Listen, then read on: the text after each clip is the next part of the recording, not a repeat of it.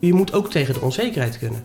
Ik spreek wel eens uh, zelfstandige juristen die, die dan klagen dat de betalingstermijn wat langer is. En ik denk, ja, weet je, daar heb ik een potje voor.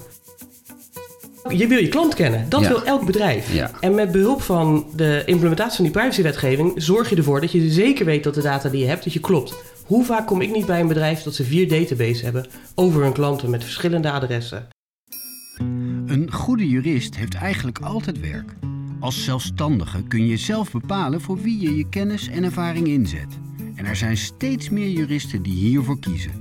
Althans, dat beweert Marijn Roymans. En hij kan het weten, want hij coördineert het grootste netwerk voor zelfstandige juristen in Nederland. Omdat die juristen vaak wat op de achtergrond opereren, leek het ons zo leuk om je kennis te laten maken met deze beroepsgroep in opkomst.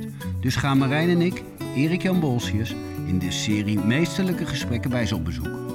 Van hen horen we wie hun klanten zijn, waar ze van wakker liggen, wat die vrijheid hen brengt en wat niet.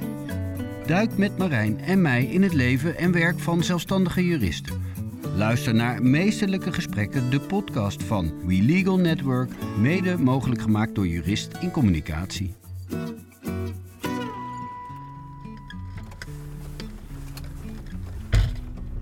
Marijn, ik weet al wie we gaan ontmoeten. Het is namelijk een winnares. Ja, Annegien Sloots. En wat niet, heeft ze gewonnen? Niet te missen, de Dila. De- De, Dila van eh 2022. Wat heeft ze dan gewonnen? Dat is de Dutch Independent Legal Award. Dat is een prijs voor zelfstandig eh, gevestigde advocaten of juristen. Die, eh, nou, die zich onderscheiden van de massa. En, En nou, dat ze- doet Annegien. Ja, ze onderscheidt zich. Dan gaan we straks natuurlijk aan haar vragen waar ze dat mee doet. En wat de jury daarvan dacht.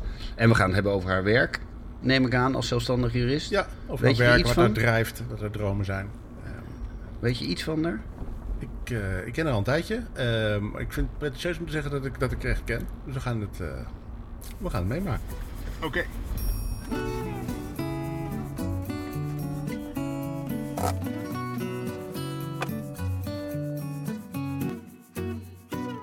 Annegien, jij hebt een prijs gewonnen die, eh, die ertoe doet, denk ik. De Dila. Eh, Wat heb jij gedaan om te winnen?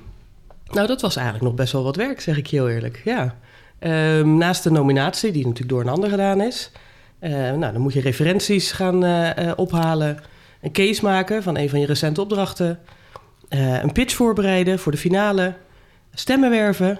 Hè, dat was echt nog wel een werkje, zal ik je zeggen. Stemmen, stemmen Ja, je- werven. Dus, eh, ja? Je krijgt het niet voor niks. Nee, je krijgt het echt niet voor niets. Nee, nee, nee. Nee, nee, goed zo. iedereen die dacht dat het een award is die je zomaar even krijgt, Nou, not. niet dus. Shit, doet mij deugd. Doet mij heel veel deugd om dat te horen. Ja.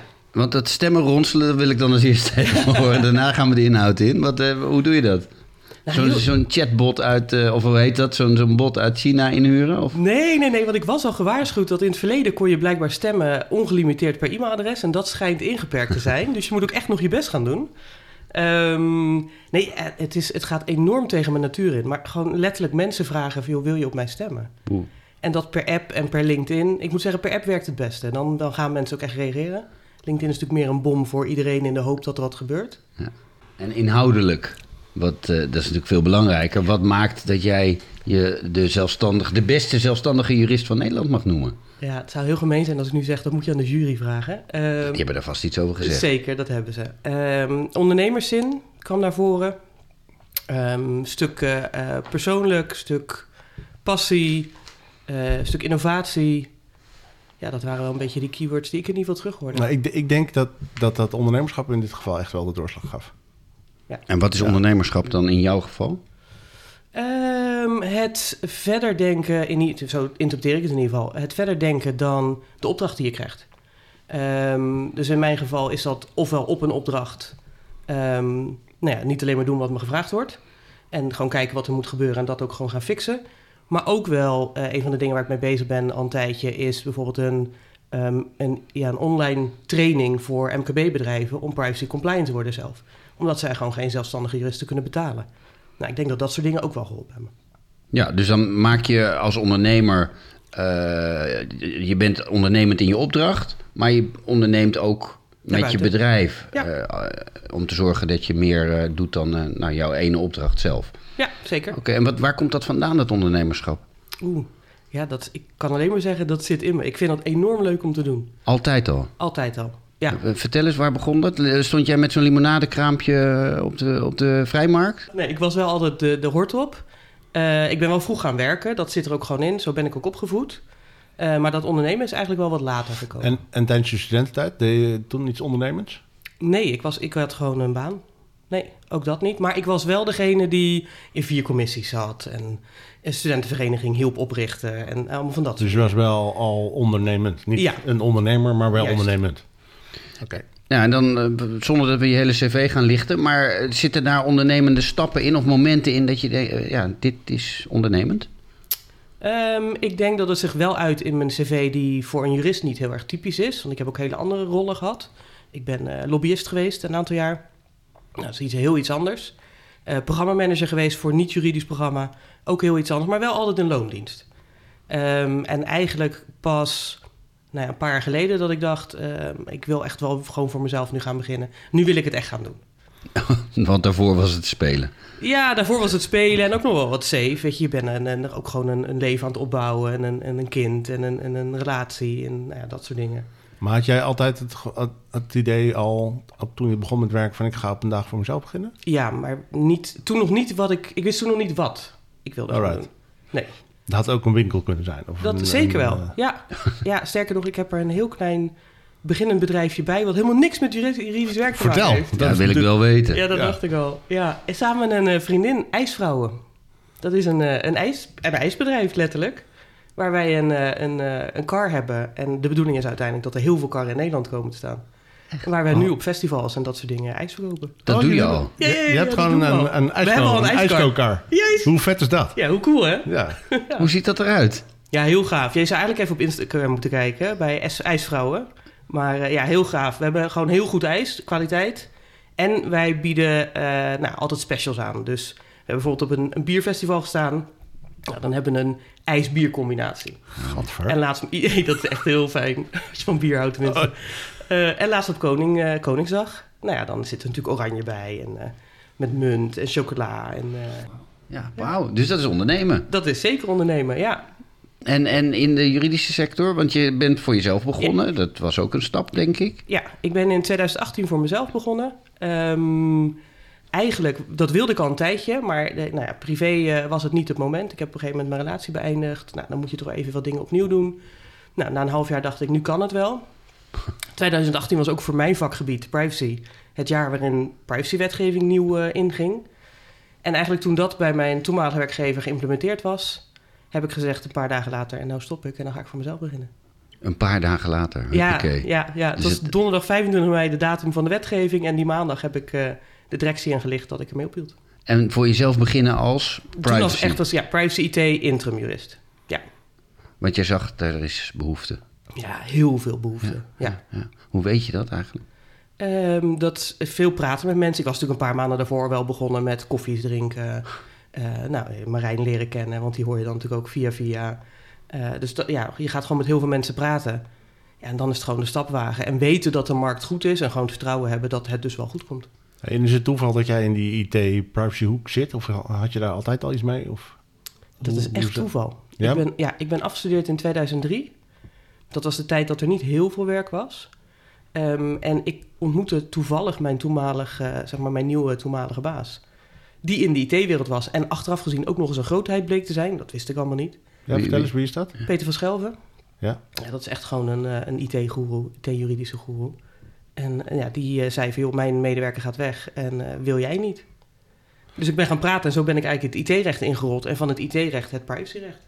En dat is dus 2003 heb je het over. Ja, Dus, 2003. eh, er waren al computers, we, we mailden al. Het was al een beetje volwassen, dat vak. Of althans, het was er. Ja, Eh, en, en, en toen heb je een aantal, nou 15 jaar dus bedrijven in, bed- en voor organisaties gewerkt. En in 18 voor jezelf, want die GDPR of hoe heet die, Ja. die, die AVG eh, kwam eraan. Dus ik neem aan dat dat de wet was Ja. waar je het over, had. zeker. En, en eh, hoe ging dat dan, zeg maar, dag één op maandag voor jezelf? Dat lijkt me altijd zo'n spannend moment. Je wordt wakker, je, je hoeft niet naar een baas en dan? Nou ja, die ene dag is er ongeveer niet geweest. Want ik had een opzegtermijn van twee maanden en een vakantie. Want ik stopte dus in mei, dus dan komt de vakantie natuurlijk aan. En ondertussen had ik contacten al gele- gelegd met bureaus en met andere interimmers. Ja, en ik werd in, in, ik geloof in juli al gebeld. Viel, we hebben een rol voor je waar je, een project voor je waar we je graag voor willen inzetten. Wil je eens gaan praten? En wat was jouw eerste opdracht? Dat was bij KPMG. Een implementatie nog van die AVG, van die AVG-wetgeving. Ehm, ja, en of ik gewoon meteen kon, meteen kon beginnen. Dus En voelde dat anders dan in je baan? ja, je komt wel binnen dat je denkt... ik wil nu wel vanaf dag één moet ik gewoon wat gaan neerzetten. En kijk, als- als je ergens in, een, in loondienst gaat... heb ik in ieder geval altijd wel het gevoel gehad... dat je even wat tijd kon nemen om nou, het bedrijf te leren kennen... en de werkzaamheden te leren kennen. En als interim heb ik wel altijd zoiets... je moet vanaf dag één eigenlijk wel laten zien wat je waard bent. Je moet gelijk knallen. Ja, vind ik wel. Ja. En hoe doe je je wordt er goed voor betaald, dus dan mag dat ook wel. En hoe doe je dat dan? Nou, je neemt natuurlijk een hele hoop ervaring mee. Hè? Dus je ziet, eh, wat ik heel vaak wel heb, is dat ik bij een paar vragen die ik stel wel vaak weet waar knelpunten kunnen zitten. Maar je begint dus die dag één al met die vragen te stellen. Jazeker. Eh, ja. Aan de baas. Ja, als dat dan niet in het sollicitatiegebrek is. Ja. Ja. Ja. Oké, want dat is hoe je je laat zien. Want ik, ik vraag me dat altijd af. Ik, ik heb bij, lang bij een grote organisatie gewerkt en dan zei mijn manager... je moet vaak door de gangen lopen, want dan zien ze je. dacht ik, wat een onzin. Maar dat, dat was het is echt. wel zo. Echt, ja, hè? Ja, het is Gewoon- echt zo. Je moet zichtbaar zijn. Letterlijk zichtbaar. Ja, en je moet dus ook niet bang zijn om gewoon inderdaad ergens langs te lopen, mensen aan te spreken, contacten te leggen, dan wel mensen vragen om voor jou een contact te leggen. Erop af. Gewoon erop af. Ja, En dat is anders dan als je in loondienst bent... en ze weten toch dat je ja, iets meer dan dat je er bent. ja en dan ga je rustig inlezen en een koffie drinken met al je collega's. En dat is heel leuk en heel leerzaam. Maar het is ook een stukje gezelligheid die, ja, die anders heel duur betaald wordt als je dat in interim doet. Dus is, dat- het, is het dan zo dat als je ehm, in loondienst werkt... dat het werk wat meer vanzelf naar je toe komt? Of, of moet je het dan ook gaan halen? Ja, dat heb ik eigenlijk nooit zo als een verschil ervaren. Nee, dat, eh, ehm, dat wisselt een beetje, hangt een beetje van de organisatie af. Eh, bij de een komt het echt naar je toe en, en klotst het ook over de muur heen. En bij de ander moet je er inderdaad op afgaan. Maar dat is niet anders wat mij betreft dan bij de interimklussen die ik, eh, die ik doe.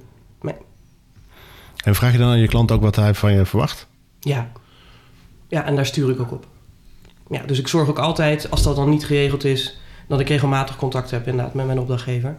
Om gewoon bij te praten en om te zeggen... joh, je hebt me aangevraagd, maar ik zie B en C ook. Wil je dat ik daar iets mee doe? Ehm, en wat vind je, hoe vind je dat het gaat? Dat is wel echt een vraag die ik stel. Gaat er wel eens iets mis? Ja, zeker wel. Ja, ik heb helaas ooit ook zelfs wel eens een opdracht terug moeten geven. Ja? Ja. Kun je er iets over vertellen? Ja, eh, dat was een klus waar ik eh, in werd, eh, voor werd gevraagd, waarvan al was gezegd, dit is een hele lastige. Was binnen een half jaar was ik de derde senior jurist in een projectteam. Ook om een implementatie wereldwijd van de AVG. En ehm, nou, toen ik daar binnenkwam had ik eigenlijk na twee weken al zoiets van, die planning klopt niet. is veel te strak, gaan we nooit redden. Nou, dat is ook wel geen leuke boodschap. Ehm we hadden een team op wat echt inhoudelijk gewoon heel goed was, maar er was gewoon geen connectie met het bedrijf, of weinig connectie met het bedrijf. Ja, en uiteindelijk heb ik na een paar maanden moeten zeggen: jongens, dit gaan we gewoon niet op deze manier redden. Niet binnen de tijd, niet binnen het budget. Niet op de manier zoals de opdrachtgever wilde. En heb ik eigenlijk gewoon moeten adviseren: hier moet je een consultancykantoor opzetten. Met een grote naam. Die ook bijvoorbeeld de andere landen makkelijker meekrijgt.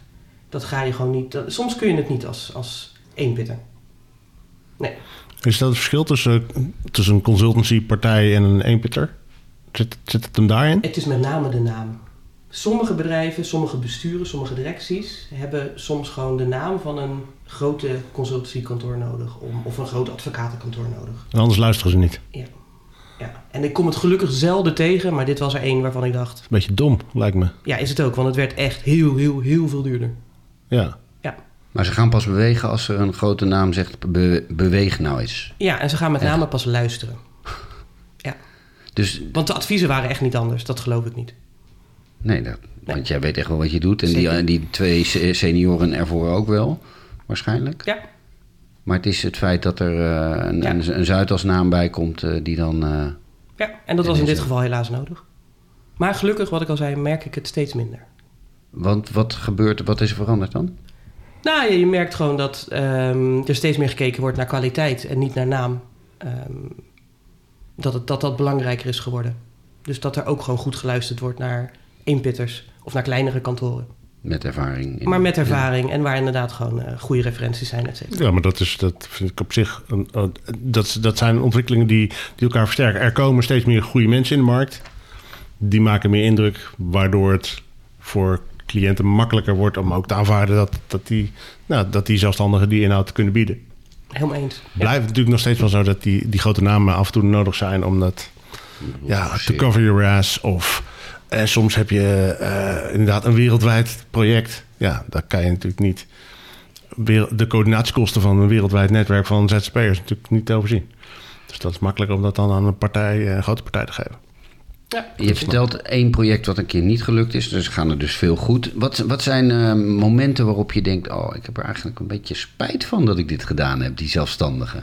Zijn die momenten er? Nee, nooit. Echt niet. Nee, Geen dag. nee, echt niet. Ik zou ook niet meer een loondienst willen. Echt niet. Nee? Nee. Wat is de lol ervan dan? Want je zegt het zo overtuigd. Ja, ik vind mijn werk gewoon enorm leuk. Ehm, ik heb er echt wel geloof in dat er werk blijft voor goede mensen. Kijk, we hebben natuurlijk, laten we heel eerlijk zijn, de afgelopen jaren enorm geluk gehad met de economie en met de vraag. Die is gewoon enorm. Ik word nog steeds wekelijks gebeld en dat geldt voor alle goede interim juristen. Ehm, ja, ik hoef gewoon niet meer in loondienst. Ik vind dat ondernemen leuk, ik vind de vrijheid leuk. Ehm, en ik hoef het werk is niet anders als ik in loondienst ga. Sterker nog, ik vind het leuk dat ik nu elke negen maanden ongeveer ergens anders zit. Want dat, zijn, dat is een beetje de termijn van je klussen. Ja, ja. Oké, dus niet dat je een paar weken binnenkomt en iets oplost. Dat, Nee, dat is eigenlijk. Nee, dat zijn gewoon niet de klussen die, die ik doe. Het is vaak veel te complex daarvoor. Eh, of veel te groot, of een combinatie daarvan. Ehm, maar ik heb ook altijd wel dat ik zeg: na negen maanden moet het ook wel een keertje klaar zijn. Want anders word ik een verkapte werknemer en dan moet je gewoon niemand anders gaan zetten. En nou, we gaan niet heel jouw werk door. Dat lijkt me voor niemand interessant. Maar toch ben ik wel benieuwd. Wat maak je nou? Wat lever jij? Wat, wat is jouw ja, data, IT, privacy? Ik geloof het. Maar maar wat zijn dan de, de, de problemen die je oplost? Nou, ik heb eigenlijk twee takken van sport. IT is met name eh, MKB-bedrijven helpen. Dat is veelal contractonderhandelingen. Eh, die hebben gewoon geen eigen jurist en die huren mij gewoon per uur in. En dat is dan een paar uurtjes in de maand. Daar heb ik een aantal van. En daarnaast heb ik gewoon inderdaad grote interimklussen. Ehm, en dat, ja, even een voorbeeld. Eh, een paar jaar geleden eh, bij Egon gewerkt. Ja, daar kwam ik binnen op een moment dat eigenlijk privacy daar op zijn gat lag. Dus er waren, was een privacyafdeling geweest, maar die bestond bijna niet, niet meer. Ehm, ik was daar de functionaris voor gegevensbescherming. Dat is de interne privacy toezichthouder. Ja, en ik heb daar eigenlijk gewoon geholpen die afdeling weer op te zetten. Eh, de rolbeschrijvingen, eh, beleid, procedures rondom datalekken, rondom eh, verzoeken van klanten over ik wil weten wat jullie van mij weten. Eigenlijk van alles. Ja, en dat, dat zijn gewoon grote projecten. Bij een groot bedrijf met heel veel klantgegevens. Ja. Je zou zeggen dat die dat wel op orde hebben. Ja, dat hadden ze dus ook, totdat er dan iets misgaat en dan moet het gewoon opnieuw gebouwd worden. Dat zie ik de laatste tijd echt wel vaker. Dat er vaak een project 1.0 geweest is, rond 2018. En dan zakt het weer een beetje in en dan ja, zien ze gewoon nu dat er echt weer een draai aan gegeven moet worden. En nou, dan klinkt het maar... Ja, ik ben er nooit echt die juridische eh, sector of het juridische werk ingegaan. Het klinkt mij best wel saai wat je doet. ja, ik weet niet. Nee. Nee? Het leuke van privacy is dat je de hele organisatie doorgaat. Eh, dus je, je ontmoet heel veel soorten mensen. Eh, maar het leuke vind ik ook altijd wel dat je nou ja, vaak veel van dezelfde dingen op de verschillende afdelingen hoort. Dus je kan weer mensen aan elkaar knopen. Eh, ik heb met regelmaat dat ik bijvoorbeeld hoor dat ze vijf applicaties voor hetzelfde hebben door het hele bedrijf. Nou, daar kan je synergievoordeel eh, eh, voor halen. Ja, nee, ik vind, het, ik vind het gewoon leuk. Maar ik vind mijn werk ook gewoon leuk. Ja, dat hoor ik eigenlijk. Ja. Maar ja, daar, En- daar en- ben ik dan benieuwd naar. En dat hele privacy, le- leeft dat een beetje bij die bedrijven? Ze het allemaal moeten doen, maar eigenlijk is het eh, ellende. Nou, je hoort wel heel veel. Sinds 2018 mag er niks meer. Nee, maar da- daarom begin ik over. Omdat Ja. je dat, dat, dat is best wel een soort geluid wat, ik- wat ik vaak tegenkom. Ja, klopt. En ik zie het echt wel als mijn missie om dat om te turnen. Want ik denk dat er heel veel kan, ook binnen de wetgeving. Als je maar dingen gewoon goed op orde hebt. En sterker nog, ik denk dat er meer kan als je het goed op orde hebt. Want een van de voordelen van bijvoorbeeld het eh, implementeren van die wetgeving... is dat je weet dat je datakwaliteit goed is. Dat betekent dat je goede voorstellen aan je klanten kan doen. Nieuwe producten kan verkopen, omdat je weet dat ze die waarschijnlijk wel willen hebben. Even, eh, maak dat nog eens concreter als je wil. Want er wordt geen ondernemer ondernemer om te denken... ik ga goede... Wat, hoe zei je dat nou? Mijn data op orde hebben. Ja, maar je wil wel Nee, maar je wil, wel, je wil je klant kennen. Dat Ja. wil elk bedrijf. Ja. En met behulp van de implementatie van die privacywetgeving... zorg je ervoor dat je zeker weet dat de data die je hebt, dat je klopt. Hoe vaak kom ik niet bij een bedrijf dat ze vier databases hebben... over hun klanten met verschillende adressen... met verschillende voor, eh, voorkeur, et cetera. En daarmee dus met hagel schieten op, eh, op Precies. klanten. Oké. Ja, En het mooie is dat je dan of een nieuwe propositie kunt ontwikkelen... omdat je ziet dat er een heel deel van jouw klantenbase iets wil... wat jij nog niet aanbiedt. Ofwel dat je veel gerichter bepaalde producten bij de een neerlegt... en bepaalde producten bij de ander. Ja, dus je marketinginspanningen worden, eh, worden Efficiënter. efficiënter. Ja. Hey, en Annegien, is dat, is dat niet op een gegeven moment klaar? Dat eh, privacy hebben we het niet op een gegeven moment op orde en zijn we dan gewoon... Ja. Nee, het grappige is, dat dacht ik in 2018 al, over ja, ik denk, dat, 2020. ik, ik denk dat nog steeds. Ja, maar ik zie nog steeds dat we weer teruggaan naar de situatie van voor 2018. Waarom is dat? Omdat het te weinig geborgd wordt, te weinig aandacht voor is. Dus het zijn van die pieken, ja, en dan zakt het weer in. Oké. En verder, en dat vind ik ook wel ehm, interessant om te zien, dat de maatschappelijke aandacht gewoon vele malen groter is. Door Ja, de- ja, ja, je kunt als bedrijf... mee- Ja, weet je, Je kan enorm mee scoren als je het goed doet. en je kan Je kan- enorm afgefakkeld worden als je, als je je shit niet op orde hebt. Precies. Wacht even, je kan er enorm mee scoren als je het goed doet. Af, afvakkelen, dat, dat zien we. Hè? Dan, Ja. dan kom je in de krant, datalek, alles ligt op straat, boos, iedereen... eh, nou, dat geloof ik wel, maar ermee scoren? Ja, ja, ja, er zijn echt bedrijven. Een eh, klant van mij, de Volksbank, heeft al jaren als propositie... wij willen de beste privacybank zijn. Wow. En er zijn klanten die daar echt voor gaan... omdat ze het gevoel hebben, dan wel zeker weten... dat er gewoon niet te veel met hun data gebeurt wat zij niet willen. Dat er niks gebeurt met de data wat zij niet willen. Oké, en daarmee scoren ze dus ook gewoon, eh, Ja. zelfs op het binnenhalen van klanten? Ja, en het behouden. Ja, en behouden, dat helpt ook, ja. Ehm, nog even terug naar eh, misschien ja, die, die, die Dutch Independent Legal Award die, die je gewonnen hebt. Ik, ik vroeg me nog af, gaat je dat, eh, in, in hoeverre helpt jou dat, denk je? Als, Nou, als ik kijk naar de hoeveelheid publiciteit alleen al van de afgelopen week... ja? moet dat indirect op zijn minst een hele hoop gaan opleveren. Maar je hebt het druk. Dus Ja. Hoe kan dat? Maar ja, nou ja, ik ben een bedrijf aan het uitbouwen nu, dus dan komt daar wel weer ruimte uiteindelijk. Eh, Uitbouwen? Ja, ik ben begin dit jaar samen met een partner Privacy Coach begonnen. Dat is een eh, privacy consultancy kantoor. Ja. En de bedoeling is echt dat, dat, eh, nou ja, dat daar over vijf jaar 30 man zitten. En daar moet wel werk voor zijn Wacht natuurlijk. even, geen ijsvrouwen dus. Maar, Nee, dat is weer wat anders. Ja, IJsvrouwen, pri- privacy coaches. kan allemaal. Ja. Ja. Maar en oké, 30 man die eh, op dit thema waarvan Marijn zegt, joh, dat is eh, klaar. Ja, maar dat dachten Op we voor duurzaamheid moment. ook. En dat is ook nog steeds in. Ja. Dus ik geloof echt dat dit het nieuwe duurzaamheid is. Maar 30 mensen, even. Hè. Je doet het nu alleen als in je pakt, eh, of pakt je, voert een opdracht uit van negen maanden en dan ga je door. Hoe, hoe, zie, hoe moet ik dat voor me zien dan? Nou ja, wat we aan het opbouwen zijn, is samen, dus met die partner, eh, is echt een bedrijf waar nou ja, we ehm, echt projecten gaan oppassen, oppakken. Dus ehm, nou, noem even de situatie dat er inderdaad geen privacyafdeling meer is, dat wij die gewoon gaan oprichten.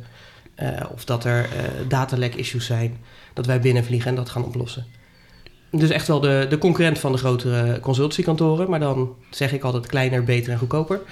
Ehm, wat we doen en waar we nu bijvoorbeeld voor een klant mee bezig zijn, is een nulmeting. Dus gewoon een scan. Waar sta je eigenlijk als bedrijf? Een deel is gedaan, maar een deel lijkt niet gedaan. Dat kan gewoon een product zijn wat je... Ja, dat is gewoon een product wat, wij, eh, wat wij aanbieden. Eh, en we gaan mensen opleiden. Want we gewoon zien dat er in de eh, heel veel vragen is naar privacy mensen. Die zijn er gewoon niet. Nee, dus hoe ga je die 30 man vinden? Nee, we gaan ze deels gewoon zelf opleiden. Dat is een propositie die we ook aan klanten aanbieden. Die gaan we ook zelf inzetten. Ja. Dus gewoon goede mensen werven van de universiteit... of mensen die net een jaar of wat ervaring hebben. En die gewoon echt door, ik zou maar bijna willen zeggen... een privacymangel halen van een jaar. Heel intensief trainen, coachen. Zowel op inhoud als op vaardigheden. Zijn dat de juristen? Of- Ja, merendeel wel. Ja, dat is wel de focus. Mogen dat hbo-juristen zijn? Dat mag ook een... Ja, Ja, zeker heb ik wel. eens... eh, Daar is minder vraag naar, maar dat mag wat mij betreft absoluut. Kan Er zitten hele goede mensen tussen. Ja, en steeds meer, denk ik. Ja, Want dat Ja. is een goede eh, opleiding. Dat is, ik denk dat het een goede vijver is om eh, nou ja, dit soort werk ook in, eh, in te vinden. En waarom doe je dat eigenlijk? Waarom, waarom, wat drijft jou dan dat je, dan je bedenkt dat je een bedrijf met 30 mensen moet hebben? Why? Omdat ik echt wel ehm, wil bijdragen aan privacy in Nederland. En dat doe ik met, dat doe ik met mijn bedrijf, maar ik zit bijvoorbeeld ook in nou ja, allerlei clubjes, noem ik het maar heel even. Eh, van bijvoorbeeld data-driven DPO's. Maar waarom? Ja, omdat ik vind dat eh, wij beschermd moeten worden tegen overheden. Denk even Belastingdienst, een recent voordeel. Bedrijven, andere organisaties die dingen doen met onze persoonsgegevens die wij niet willen. Ik vind dat je daar echt zelf een keuze in hebt als persoon. En als jij vindt dat ze alles mogen doen, prima.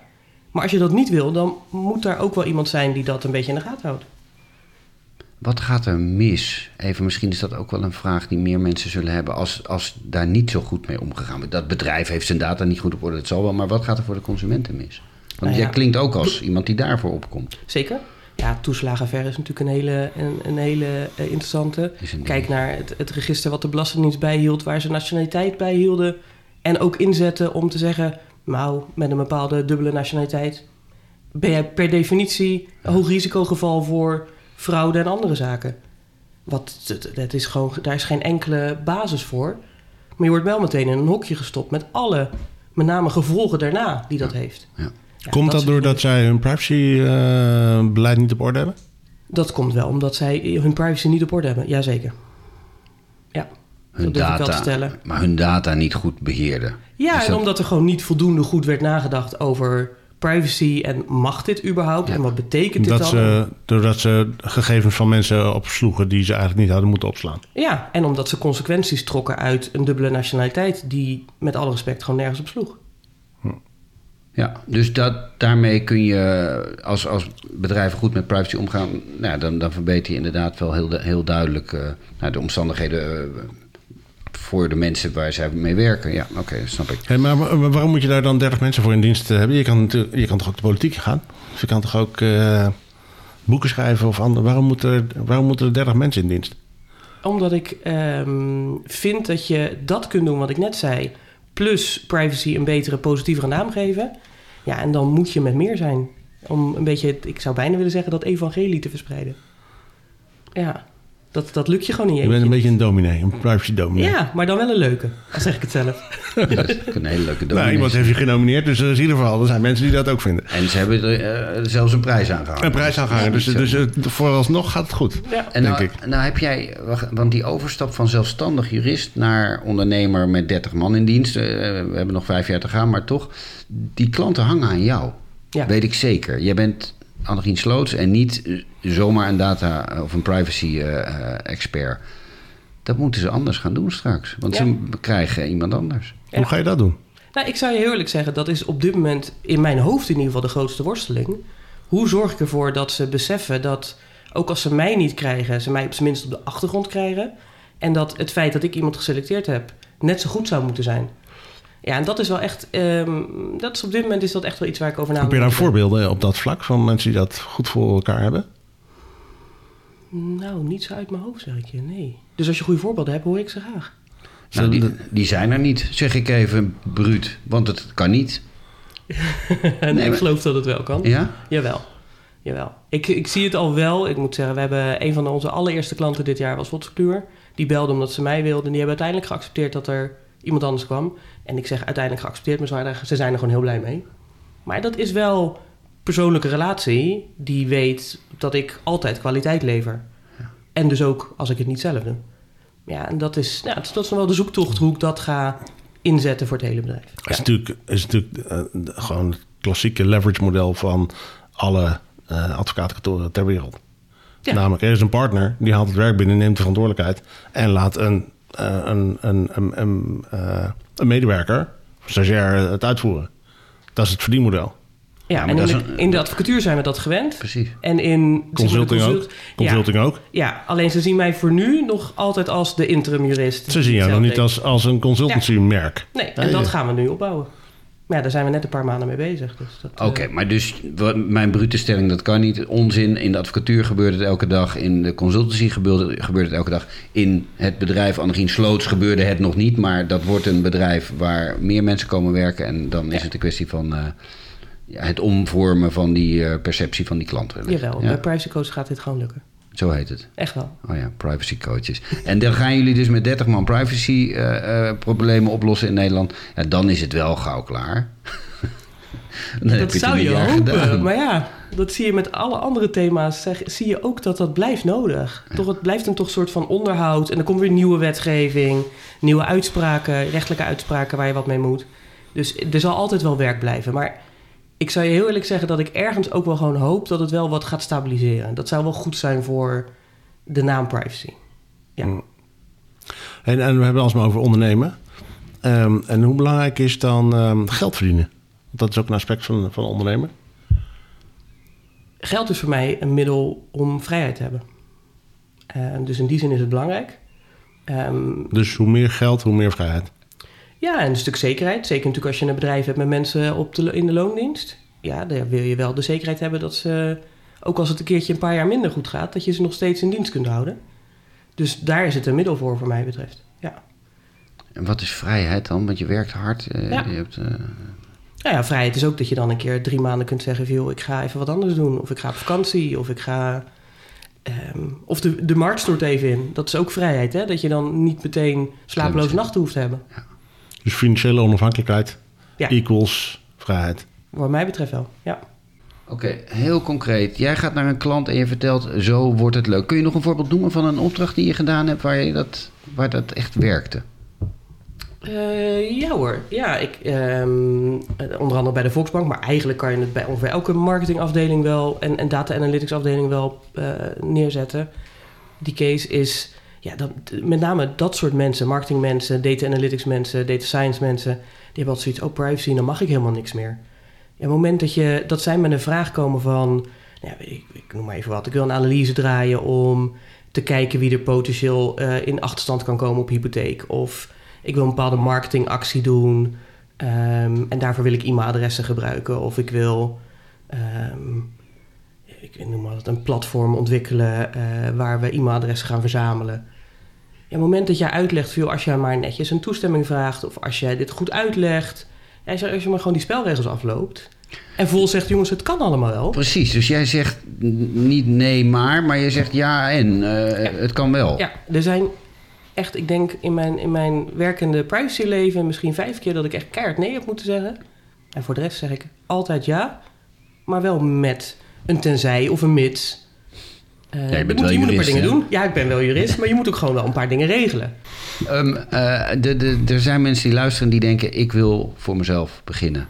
Wat moeten ze doen? Wat is, wat is jouw advies? Ja, ik adviseer iedereen om ga eens koffie drinken met mensen die het dan doen. Of dat dan juristen zijn of een andere beroepsgroep, maakt nog niet eens zo heel veel uit. Eh, maar ga gewoon eens vragen hoe zij het ervaren hebben en waar ze tegenaan zijn gelopen. Zo ben ik ook begonnen. Gewoon koffie drinken en, en, en zeggen joh, waar moet ik rekening mee houden? En wat moeten ze niet doen? Ehm, ja, ik, dat vind ik, ik vind ik altijd heel dom. Echt helemaal on, ehm, zonder onderzoek eh, zomaar je baan opzeggen en denken van nou, het komt allemaal wel goed. Als je geen netwerk hebt en je hebt eigenlijk geen idee wat ondernemen inhoudt, inclusief overigens ook gewoon stomme dingen als de fiscaliteit, hè, je btw, weet ik het wat. Als je dat allemaal niet op orde hebt, moet je het niet doen. Dus niet zoals ik, ik vertrek mensen zeggen van nou ik spreek de taal niet, maar het staat een leuk huis, ik ga wel. Ja, Denk erover na, leer die taal spreken, bewijzen van en, en Ja. En denk ook of het iets voor jou is. Je moet ook tegen de onzekerheid kunnen. Ik spreek wel eens eh, zelfstandige juristen die, die dan klagen dat de betalingstermijn wat langer is. En ik denk, ja, weet je, daar heb ik een potje voor. En dan loopt het na mijn opdracht wat langer door qua betaling, vind ik ook fijn. Het is mij om het even. Daar moet je, die onzekerheid moet je wel tegen kunnen. Als je dat niet kan, moet je je echt afvragen of het wat voor je is, vind ik. En hoe leer je dat? Ja, dat is een kwestie van jezelf kennen, vind ik. Dus dat zit in je of niet? Ja, nou, je weet van jezelf of je tegen een beetje onzekerheid kan en of je daar dan eh, over nagedacht hebt en eventueel op een andere manier. Misschien heb je wel een partner die werkt en is het allemaal prima. Of heb je een hele grote buffer en is het allemaal prima. Of vind je het niet erg dat het spannend is? Mag ook. Maar je moet, ik vind wel dat je daarover nadenkt. Had jij een buffer toen je begon? Ja. Ja. Dus, eh, ja, ik ben enig inkomen, eh, dus eh, dat is echt wel, ik vind dat van belang. Ja. Zat een spaarpotje om Ja. de hypotheek te betalen voor een paar Ja. maanden. ja. En die heb ik altijd aangehouden. En je, Ja. hebt, een, en je had een plan. En Je ik wist- had, ik, nou ja, ik had, ik had, je wist dat ik een goed netwerk had. En nog steeds heb. Had je al opdrachten? Niet toen ik eh nee, mijn dat baan zei je. Nee, Nee. het duurde even. Maar je hebt ook niet een businessplan gemaakt. Jawel. Wel een gemaakt. Ja. Is dat ooit uit de laag gekomen? Nee. Zie je. Maar het Nou is ja. wel een goede denkoefening. Oh ja. Daar is die wel goed voor. Ja, ik denk altijd dat die dingen, en daarom zeg ik het zo overtuigd, eh, nooit meer ergens komen. Maar het is wel de manier om, om je, je ideeën te scherpen vooraf. Ja, zeker. Dat is het. Ja. En om te bedenken, heb ik inderdaad dat netwerk of moet ik dat nu nog gaan opbouwen? Kan ook. Eh, ik bedoel, natuurlijk als je aansluit bij een WeLegal of je, je spreekt met bureaus, dan krijg je natuurlijk hartstikke goede opdrachten als je wil.